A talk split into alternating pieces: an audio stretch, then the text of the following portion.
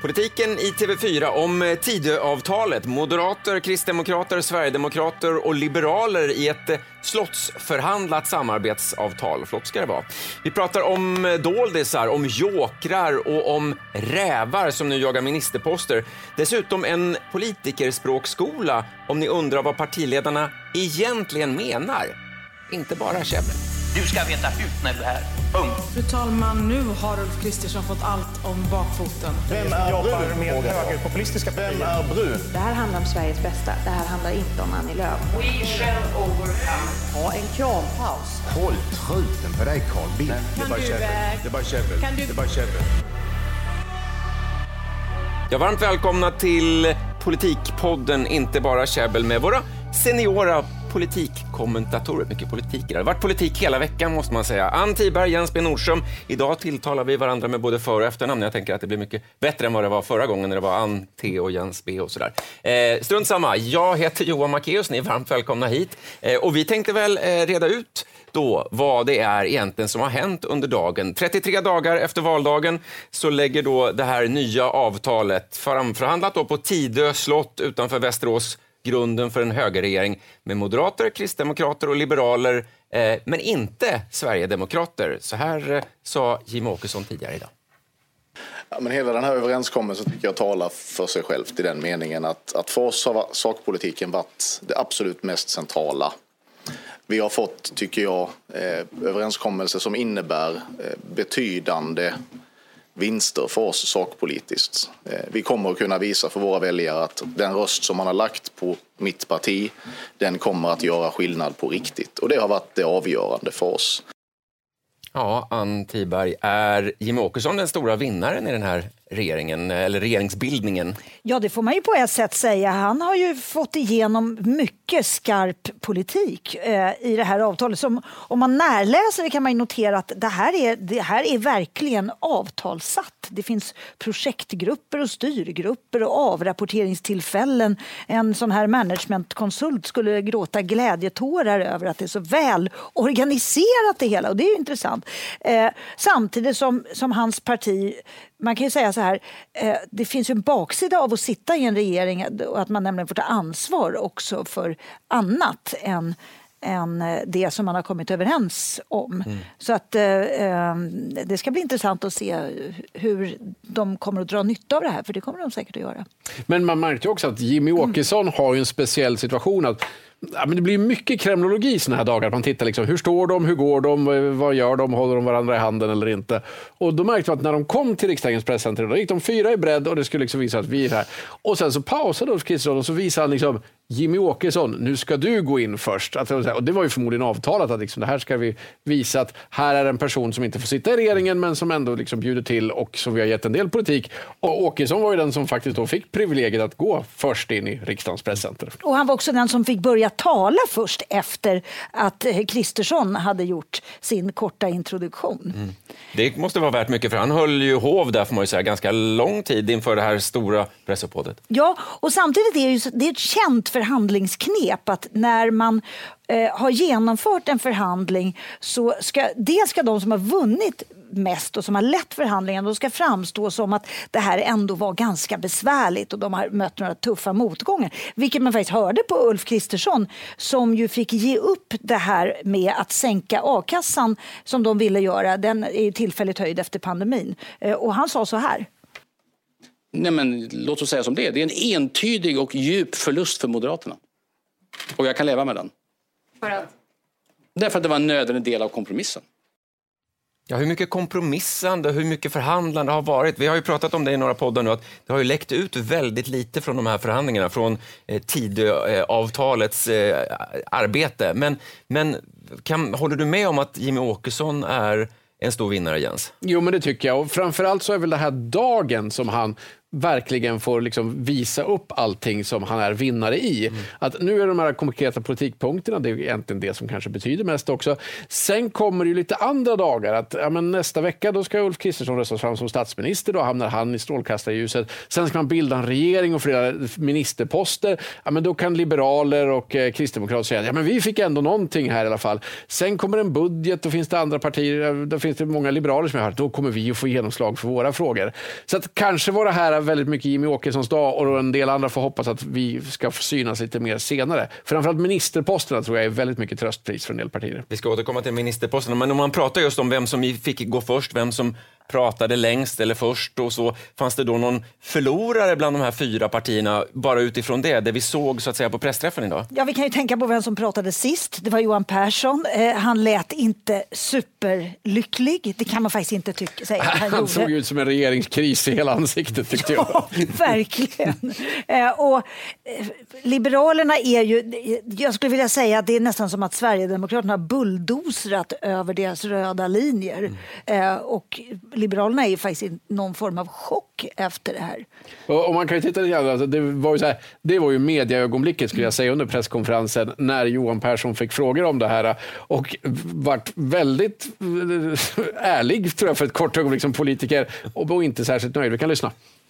Mitt parti består av mycket kloka människor som förstår att eh, när man går till val så säger man en sak innan valet, sen genomförs valet, sen säger man en sak också efter valet.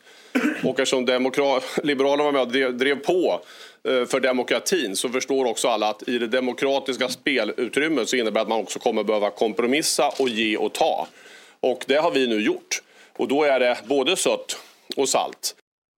Vänta, vad menar han där? Jag undrar om man ens, alltså, först säger man en sak före valet, sen säger man en annan sak men efter menar han att, ja, Eller säger man och, samma och det är sak? för demokratin man gör det. det. Nej, men alltså, det, sådär, det här är ju... Han sa, han sa det ärliga svaret. Man. Jag Det undrar var- om man hade tänkt igenom det där innan. Nej, jag tror det här var lite improviserat. Och det är väl säkert en del som tycker att det här var det ärligaste en svensk politiker har sagt på väldigt länge. många år. Men det visar ju också att det här är en politiker som inte är särskilt nöjd med utfallet, som tycker att eh, han har fått ge vika på väldigt många punkter. Man kan som... säga så här, Johan Persson sa en sak före valet och nu säger han en helt annan sak, nämligen att Ja, alla de här punkterna gick att kompromissa bort. Nu ska vi komma ihåg, Johan Persson har faktiskt inte målat upp några röda linjer. Det har däremot hans parti gjort.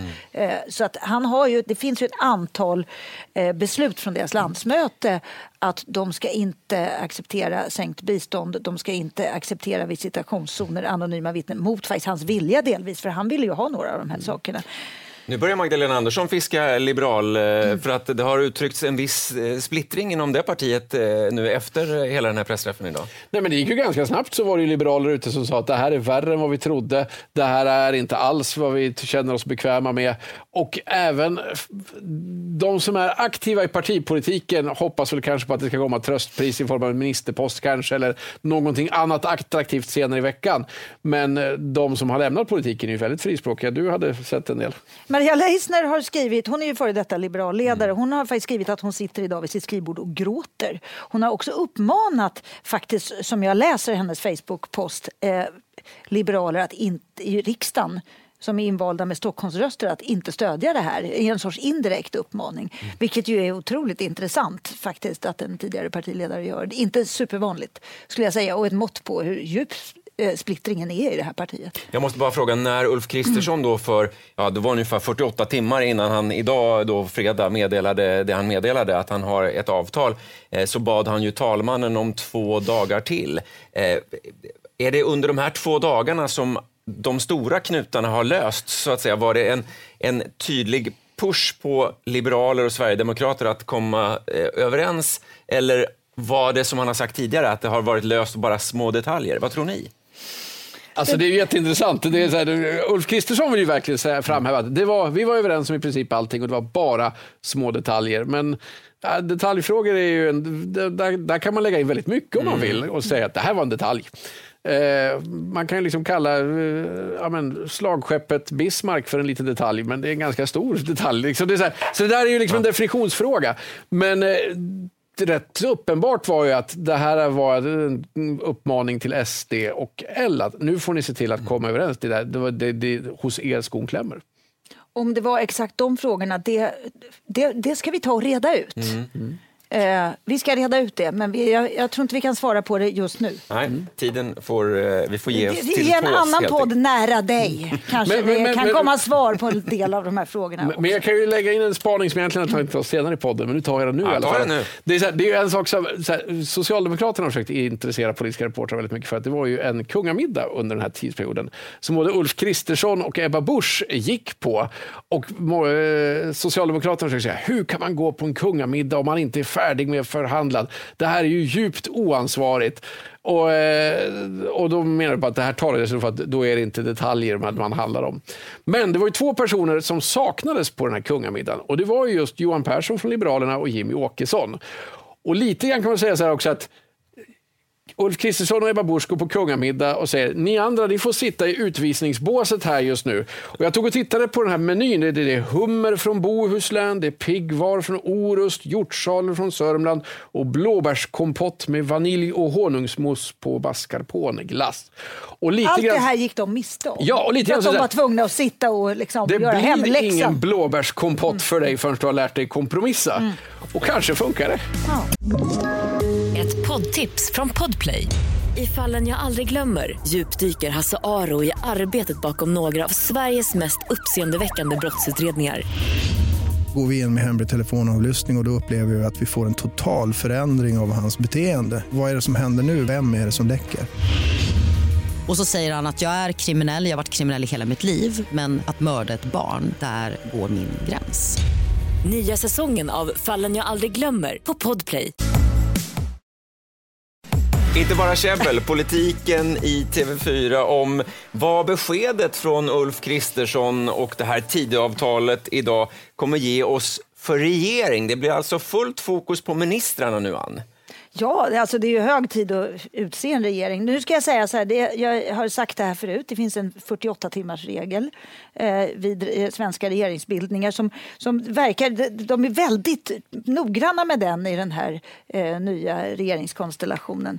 Eh, det vill säga man frågar helst ingen förrän 48 timmar innan eh, regeringen formellt sett eh, presenteras.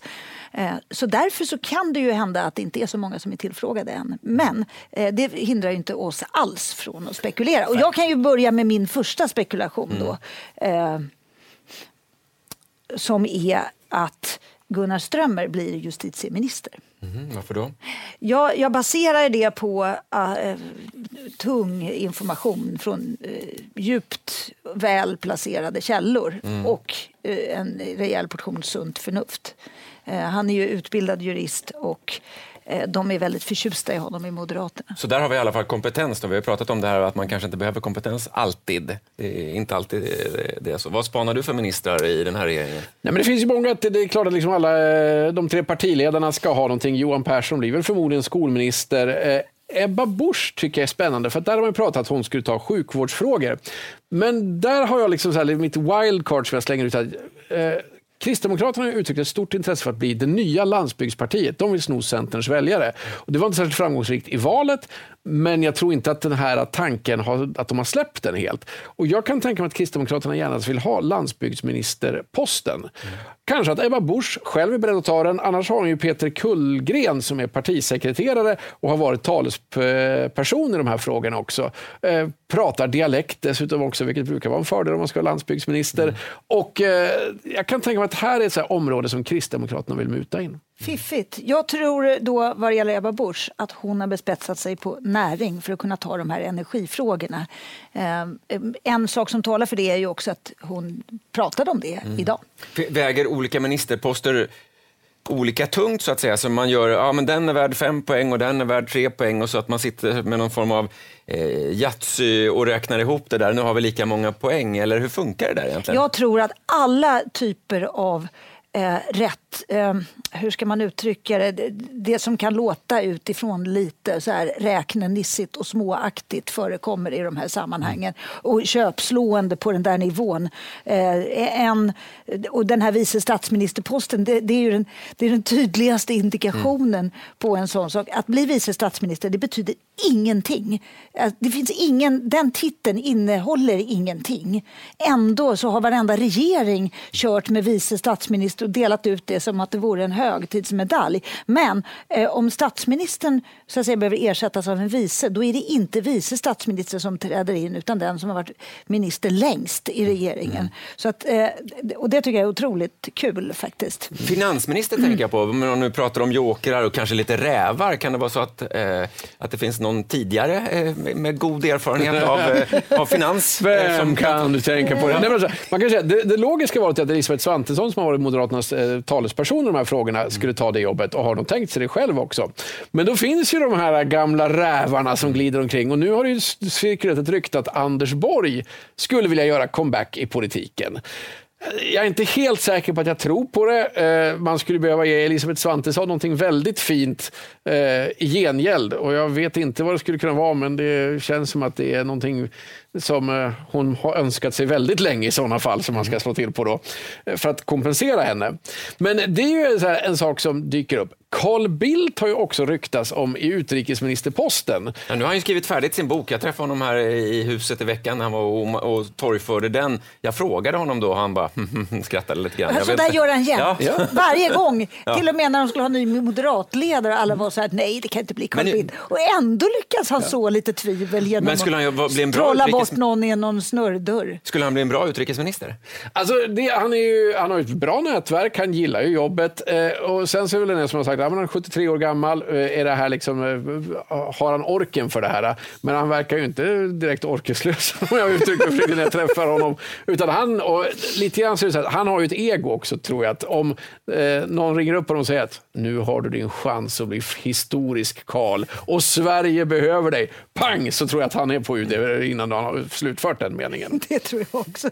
Kulturminister är en Han annan post. vill. Han vad, vill. Vad tror ni om, har ni några spaningar på kultur? Det är ju många som tror att Liberalerna får kulturministerposten och då har de en tidigare gruppledare, Christer Nylander, som är eh, otroligt eh, respekterad faktiskt för sitt kulturpolitiska kunnande. Eh, jag undrar om han skulle vilja eftersom han faktiskt lämnade partiet för att han inte tyckte om den här nuvarande linjen. Men det finns eh, ingen eh, ministerpost som är honom så attraktiv att han kanske ändå skulle kunna tänka sig att dagtinga med sitt samvete. Eller hur, hur är det nu? Nej, men- nej, men jag Fälldin tror uttryckte sig. Ja, men jag tror att det är många liberaler som, liksom, som eh, där man kan tänka sig liksom att kanske tysta kritiker genom att ge dem en ministerpost Precis. och säga så här. Okej, men om du håller klaffen nu, då får du liksom en, en portfölj här Det nu och skulle sitta också lugna alla de här som är ledsna just nu. Att de får en, eh, någon som faktiskt slår vakt om. För det ska vi komma ihåg, en sak som var väldigt tydlig på den här pressträffen det var att när Johan Persson berättade eh, de få punkter som han hade fått igenom så gick han ganska snabbt över till ett antal punkter som snarare handlade om sånt som han hade lyckats stoppa. Det vill säga att vi ska slå vakt om kulturens frihet. Och, eh, det var ett antal sådana punkter som, som var lika viktiga för honom att presentera i det här läget. Och får man då en, en kulturminister som har den här eh, respekten eh, så tror jag att det betyder väldigt mycket för Liberalerna. Så det skulle kunna vara ett fint tröstpris. Hur mycket betyder jämlikhet när man tillsätter ministrar? Det var precis det jag tänkte säga faktiskt. För det är så här, jag tror att den här regeringen kommer att ha problem med jämställdheten. Att det är väldigt många manliga kandidater som eh, förs fram och som man tänker. Och jag tror att det kommer att vara, det här kommer vara en så här, sak som kommer in i elfte timmen. Att vi kommer att se lite mossiga ut om vi inte har särskilt många kvinnor och vi kommer att öppna oss för kritik. Och då kommer man att börja liksom titta runt, vad finns det för några här? Gulan Avci i eh, Liberalerna tror jag ligger bra till. Eh, Dels för att hon är en väldigt kompetent person, skattepolitisk talesperson hos dem också. Men eh, hon har också två saker som jag tror kommer uppskattas. Dels att man behöver få in kvinnor, man behöver få in personer med invandrarbakgrund. Och hon checkar de två boxarna. Och det tror jag kommer att vara ett problem för den här regeringen. Eh, Du menar att det saknas kvinnor? Ja, att det inte finns Eh, så. Det är ju en sak som också pågår just nu är att det är ju ett regimskifte i Stockholms stadshus. Och jag kan bara säga att man har noterat ganska tydligt från den här nya oppositionen att, att den tidigare borgerliga styret i Stockholms stadshus just nu, det hörs inte så mycket från dem för de är upptagna och sitter vid telefonen och väntar på att Kristersson ringer och erbjuder dem jobb. Till exempel då Anna König Järlmyr som har varit eh, finansborgarråd. Och, och sen finns det också en annan tradition som Moderaterna är lite förtjust i också. Att de gillar att ibland plocka in folk från näringslivet som kanske inte har någon djup politisk förankring men som anses vara skickliga operatörer. Peter Norman som var finansmarknadsminister, han löste väl partikort ungefär 48 timmar innan han fick jobbet också. Eh, och, och sa väl själv också att jag är inte här på grund av mina politiska meriter men jag är ganska bra på finansmarknader. Eh, och där kan man ju tänka sig att det kan dyka upp några sådana också. Nu försökte jag komma på vem det skulle kunna vara från näringslivet. Den enda jag kom på var Isabella Lövengrip som jag inte tror på riktigt. Som, eh, men, Det skulle men, vara eh, joker. Ja, det är ett, ett riktigt wildcard i alla fall skulle jag kunna Det säga. är mångfald. Ja. Vi lämnar ministrarna för en stund. Vi ska fokusera nu på eh, vad de här ministrarna och våra politiker egentligen säger. Eh, för deras språk skiljer ju sig ibland lite grann mot eh, det språk som vi vanliga dödliga eh, använder sig eh, av. Om min chef till exempel frågar om jag är klar med jobbet och så säger jag ja, eh, då brukar jag ju då vara klar och brukar sådär. Men om en politiker säger att det bara återstår mindre detaljer, som vi har hört nu en viss politiker nämna några gånger, vad betyder det egentligen då Jens? Vi var inne lite grann på det här, men det är rätt intressant för språket kan skilja sig både mellan väljare, politiker och också inom politikerskrået. En del pratar inte riktigt samma. Nej, men alltså politiker är ju ofta snabba att säga att nu är jag färdig, nu har jag löst det här. Mest berömd är väl George W. Bush som hissade upp en stor flagga med mission accomplished på ett hangarfartyg när det gällde att nu har jag skapat fred i Mellanöstern mer eller mindre. Och det kan väl konstatera att nej, så var det inte. Och det har vi ju sett lite grann den här veckan också, att Ulf Kristersson kom ju i onsdag och sa jag är i mål, vi är i princip färdiga. Vi kan ta och lyssna lite grann på hur det lät. det gör vi. Det är några detaljer som vi vill reda ut och jag tänkte berätta för er ganska exakt så här. Vi har kommit i mål. Vi har kommit i mål och vi är överens. Hur länge efter mål kan man springa? Det beror på hur hög hastighet man har när man går genom målet. Oh, den sista frågan sista- gillar jag inte. Nej, Han tyckte gill- inte det var Nej, roligt. Den var Det, inte bra. det, det, var, det var ett skratt som önskade Thomas Ramberg en lång och plågsam död. Ja.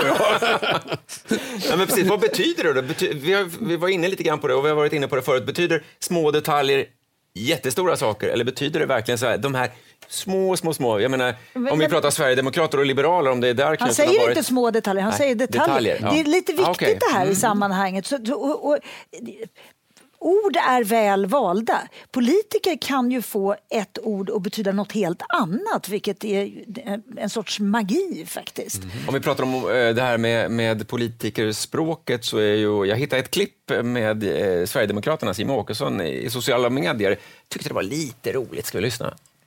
Det vet inte jag, men, men jag vet inte som sagt. Nej. Så det vet jag Nej. inte. Nu vet jag, jag vet inte riktigt vilken kommun. Jag har inte den siffran i, i huvudet. Jag vet ju inte hur. Jag vet inte. Det kan inte jag svara på här. Du vet inte hur mycket det kostar? Jag kan inte, den, jag kan inte svara på. Jag kan inte ta ansvar. Jag, jag kan inte bekräfta det. Det får vi låta vara osagt. Det vet jag inte. Nej, jag vet inte. Nej, det vet jag inte. Har vi röstat för det? Det ekar det. Det var en ung eh, Jimmie Åkesson just där. Vi hittade det från Malou och från Sveriges Television och allt möjligt. Men, men, eh, men ja. Nej, men det, det här är ju liksom ett, här- dels kan man säga att ibland är det ju ärligt att ibland är det ju bättre som politiker faktiskt att säga jag vet inte. Men ibland är det ju ett enkelt sätt att slippa ansvar också. Bara säga ja, jag försök fråga mig om det nu, jag vet ingenting om det här. Och framförallt eftersom Sverigedemokraterna under ett antal år var ju en komplett skandalmaskin som liksom inte kunde, deras ledamöter verkade under en period inte kunna logga in på sociala medier utan att skriva någonting olämpligt. Och varje gång då så visste ju Jimmy Åkesson ingenting, om det här. Eh, Vilket var eh, väldigt lämpligt såklart. Så att det där är ju någonting. Järnrörsskandalen kanske? Ja, nej, Ja, den visste han inte heller nej, någonting om. nej. innan. Nej, Men, men det där är ju någonting som eh, det är fler partier som har använt det, om än kanske inte lika eh, nitiskt som Sverigedemokraterna. Att ibland, det är ju en strategi att är det en fråga som är jobbig att prata om, då kan man säga att ja, jag behöver sätta mig in i det här, jag behöver få återkomma, ja, det här är jag inte riktigt inläst på. Och det kan ju, ibland så kan det vara ärligt menat, ibland är det bara ett sätt att slippa. Häng med på ett riktigt, riktigt krångligt svar då, eh, eh, på en ganska enkel fråga. Ställer du upp då om någon frågar? Typ så var väl frågan ställd. Eh, det här är då dåvarande finansminister Magdalena Andersson som svarar så här enkelt. Nu är det en diskussion i vårt parti och partimedlemmarna kommer att diskutera det här runt om i landet, både i partiföreningar, i arbetarkommuner, i distriktsstyrelsen. Sen antar jag att eh, valberedningen kommer att lyssna på dem och jag tror att de också kommer att ringa runt till alla oss som sitter i verkställande utskottet för att diskutera den här frågan. Och eh, den här processen behöver ha sin gång och jag kommer att diskutera den frågan med valberedningen om de ringer andra medlemmar i verkställande utskottet och mig själv. Det här betyder alltså, ja, jag vill jättegärna bli partiledare och statsminister. Ja, exakt. Ja. det är så man så att det, I en parlör så är det här mycket enkelt. Det långa svaret betyder ja, jag vill jättegärna. Men, men jag funderar på det så här, varför anser socialdemokrater det så oerhört fult att säga jag aspirerar på någon form av maktposition? Ja, jag vill jättegärna. Ehm, det, det, är ju en, det är ju den här förankringskulturen som har gjort det. Och, Inget ska göras i partiet utan att det förankras djupt. Nej, ja, och man ska inte köra över. En folkrörelse ska inte köras över. Mm. Och därför kan man inte säga jag tycker att vi ska gå med i Nato. Mm. Utan man, men, man, men man säger ju inte heller till rörelsen, vi frågar rörelsen vad den tycker om Nato. Mm. Utan man säger till rörelsen eh, vi kommer att lyssna på vad, vi säger, vad ni säger om Nato, sen kommer vi ändå gå med i Nato. Men, ja. Men det är ju intressant att det, sen så finns ju politiker, för det här är ju verkligen kanske Socialdemokraternas paradgrej nummer ett, att man inte får säga vad man är. Men en del är ju bättre och sämre på det också. Jag tycker att Marianne Andersson var ju väldigt duktig socialdemokrat här som inte sa någonting egentligen. Men, men Mikael Damberg fick vid samma tidpunkt frågan också och han hade ju svårare. Att han sa att för han fick ju frågan, står du till valberedningens eh, förfogande? Och så, ja, alltså jag tycker att alla ska stå till valberedningens förfogande. vilket ju också där, och det tror jag där, kanske låg honom i fatet lite grann. Då var han helt plötsligt lite för på, vilket för en utomstående kan framstå som helt obegripligt. Ja, faktiskt. Kan man inte, kan ni inte skriva ihop en liten bok om en politikparlör, politikerparlör? Ja, Liksom, ja, eller? det, det, den, just den här delen som handlar om hur man svarar på den frågan, vad jag, hur jag sägs på socialdemokratisk, den blir väldigt lång. Den blir väldigt lång, men alla andra delar kan bli korta. Men, men jag tror att det blir spännande att läsa Tidöavtalet, för jag tror att vi har ju säkert en del nya politiska parlörtricks i den här också, som vi sen kommer att veta Yes! vad de betyder. Ja, men nu, vi sätter igång direkt, Jens. Man kan säga som Kristersson, ganska exakt. Det är också en bra sägning, eller? Ganska exakt. Ganska exakt. Ganska exakt nu eh, är den här podden slut för idag. Har ni nu mer och fler roliga såna här politikerparlör-idéer, kan ni inte mejla oss då? Eh, ni ser mejladressen här i bild alldeles strax. Inte bara tjabbel, snabel-a, tv4.se. Väldigt enkel parlör. Då kan Ann och Jens få tips till sina eh, parlörböcker här. Det kanske ni kan behöva om man nu hittar Ja, alltså, ytterligare. det, vi börjar bli svårt att förstå vad de säger, Ja. vi skulle vara oerhört tacksamma. Eh, vi gör väl så att vi stänger butiken. Ann Tiberg, Jens B Nordström. Eh, Och tack snälla ni för att ni lyssnar. Vi finns ju där poddar finns och vill ni se oss, då finns vi på TV4 Play. Podplay. Ett poddtips från Podplay. I fallen jag aldrig glömmer djupdyker Hasse Aro i arbetet bakom några av Sveriges mest uppseendeväckande brottsutredningar. Går vi in med hemlig telefonavlyssning och, och då upplever vi att vi får en total förändring av hans beteende. Vad är det som händer nu? Vem är det som läcker? Och så säger han att jag är kriminell, jag har varit kriminell i hela mitt liv men att mörda ett barn, där går min gräns. Nya säsongen av Fallen jag aldrig glömmer på Podplay.